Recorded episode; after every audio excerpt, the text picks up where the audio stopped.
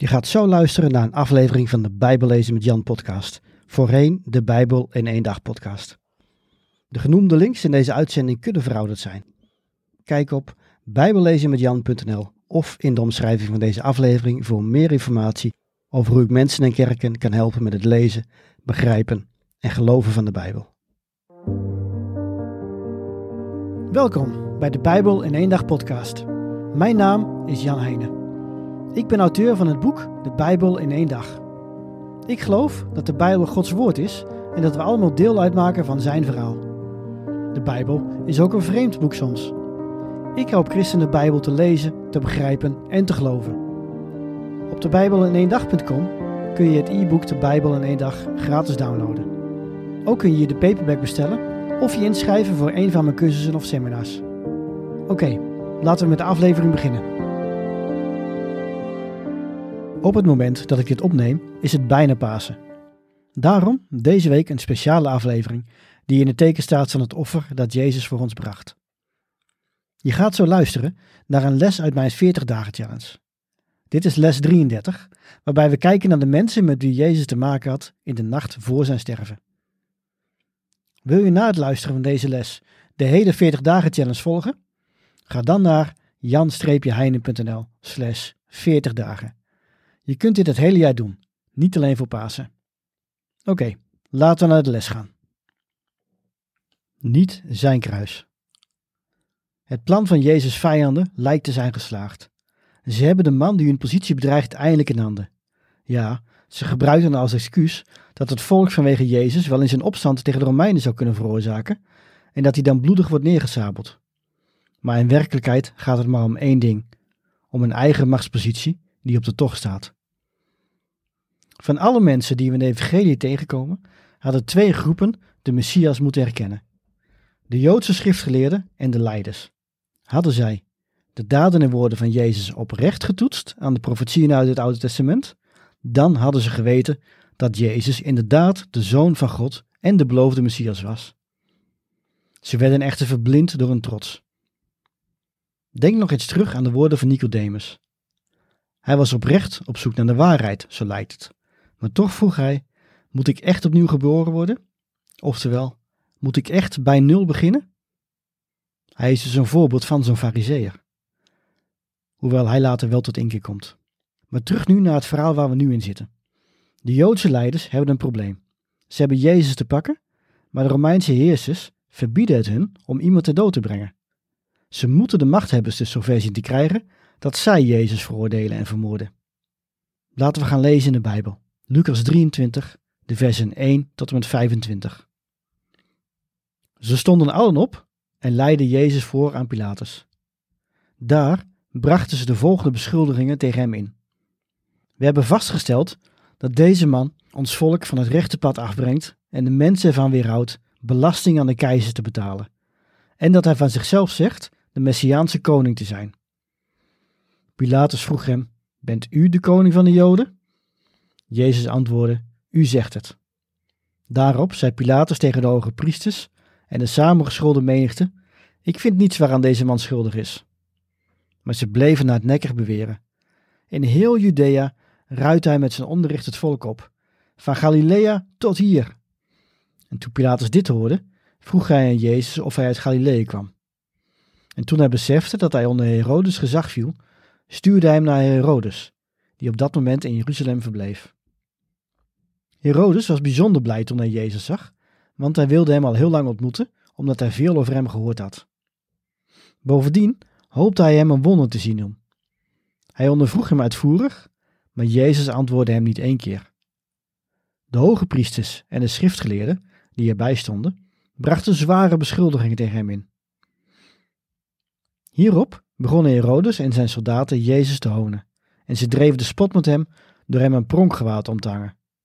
Zo stuurde hij hem terug naar Pilatus. Op die dag werden Herodes en Pilatus vrienden, terwijl ze altijd elkaars vijanden waren geweest. Pilatus riep de hoge priesters en de leiders van het volk bij zich en zei tegen hen: U hebt die man voor mij gebracht als iemand die het volk van het rechte pad afbrengt. Maar u weet dat ik hem, toen ik hem in uw bijzijn verhoorde, aan geen van de zaken waarvan u hem beticht, schuldig heb bevonden. en Herodes evenmin. Hij heeft hem immers naar ons teruggestuurd. Hij heeft niets gedaan waarop de doodstraf staat. Dus zal ik hem vrijlaten nadat ik hem heb laten geeselen. Maar ze begonnen met z'n allen luidkeels te schreeuwen. Weg met hem! Laat Barabbas vrij! Deze laatste was gevangen gezet wegens een oproer dat in de stad had plaatsgevonden en wegens moord. Pilatus praatte opnieuw op hen in, omdat hij Jezus wilde vrijlaten. Maar ze schreeuwden het uit: Kruisig hem, kruisig hem! En voor de derde maal zei hij tegen hen: Wat voor kwaad heeft die man dan gedaan? Ik heb niets gevonden waarvoor hij de doodstraf verdient. Dus zal ik hem vrijlaten nadat ik hem heb laten geeselen. Maar ze bleven luidkeels eisen dat hij gekruisigd zou worden. En met hun geschreeuw wonnen ze het pleit. Pilatus besloot een eis in te willigen. Hij liet de man gaan die wegens oproer en moord gevangen was gezet en om wiens vrijlating ze hadden gevraagd, en leverde Jezus uit aan hun willekeur. Tot zover de Bijbeltekst. Het is altijd interessant om te kijken naar de verschillende personages in een Bijbelverhaal. Dit is namelijk een van de manieren waarop je jezelf in het verhaal kunt verplaatsen. In de een kun je natuurlijk iets beter verplaatsen dan in de ander, maar van elk van de figuren die in actie komen of die iets zeggen, kun je iets leren. De een is een inspirerend voorbeeld, het verhaal van de ander is juist een waarschuwing. In de tekst die we zojuist hebben gelezen komen naast Jezus verschillende mensen voorbij: de Joodse leiders, het Joodse volk, de Romeinse gouverneur Pilatus, die de basis over Judea, en Herodes, die heerst over de provincies Galilea en Perea. En tot slot de moordenaar en de opstandeling Barabbas. Laten we eerst kijken naar de Joodse leiders. We hadden het er al over dat de Joodse leiders een moordcomplot tegen Jezus aan het smeden waren. Hier moeten we weer een echo horen uit het Oude Testament. Want, zoals we in les 3 zagen, de zonen van Jacob lieten hun jongste broer Jozef in de val lopen. Jozef is een voorafschaduwing van Jezus. Wat hij in de klein onderging en deed, doet Jezus in het groot. De Joodse leiders brengen Jezus dus naar Pilatus. Uit andere bronnen weten we dat Pilatus een meedogenloze man was. Hij heeft talloze onschuldige mensen laten martelen en doden. De Joodse leiders verwachten dan ook dat hij hun verzoek om Jezus te kruisigen wel zal inwilligen. Ze gebruiken drie argumenten die de Romein moeten overtuigen. 1. Jezus is een oproerkraaier. 2. Jezus weerhoudt mensen ervan om belasting te betalen. En ten derde, Jezus zegt dat hij de koning van de Joden is. Maar Pilatus is slimmer dan ze verwachten. Hij wil zich niet voor een karretje laten spannen. Voor hem staat een man met een bebloed gezicht en gescheurde kleren. Hij heeft niets koninklijks. Je kunt Pilatus bijna horen lachen. Ben jij de koning van de Joden? Jezus gaat niet mee in zijn humor. U zegt het, zegt hij. Pilatus ondervraagt Jezus. En zelfs deze onrechtvaardige man komt tot de conclusie dat Jezus onschuldig is. De Joodse leiders blijven echter aandringen. Als ze laten vallen dat Jezus uit Galilea komt, ziet Pilatus een mooie kans. Hij leeft blijkbaar al een tijdje in onmin met Herodes en kan nu een brug slaan. Hij stuurt Jezus naar Herodes toe, een soort cadeau dat inderdaad in dankbaarheid wordt aanvaard. Toch loopt de ontmoeting met Jezus op een teleurstelling uit voor Herodes. De man die Jezus' neef Johannes heeft gedood en wiens vader verantwoordelijk was voor de kindermoord in Bethlehem, probeert Jezus te verleiden om een wonder te doen. Als hij zijn lolletje heeft gehad, stuurt hij Jezus terug naar Pilatus. Nu moet Pilatus toch echt een beslissing nemen. Hij laat de Joodse leiders en het volk voor hem plaatsnemen. Hij herhaalt dat Jezus onschuldig is. Hoe wreed Pilatus is, blijkt wel als hij besluit Jezus niet te doden, maar wel te laten geestelen. Dit is een bijzonder zware straf. Jezus zou zweepslagen krijgen met een zweep waarvan aan de uiteinden stukjes metaal zitten. Zijn hele rug zou worden opengereten. Misschien zou hij zelfs hieraan al sterven.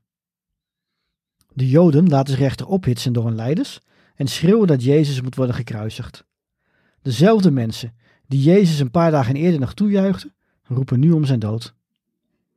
Dan laat Pilatus Barabbas halen. Die is schuldig aan een van de aanklachten die de Joden eerder tegen Jezus inbrachten. Hij is namelijk een echte opstandeling en een moordenaar. Hij is echt gevaarlijk en een echte misdadiger.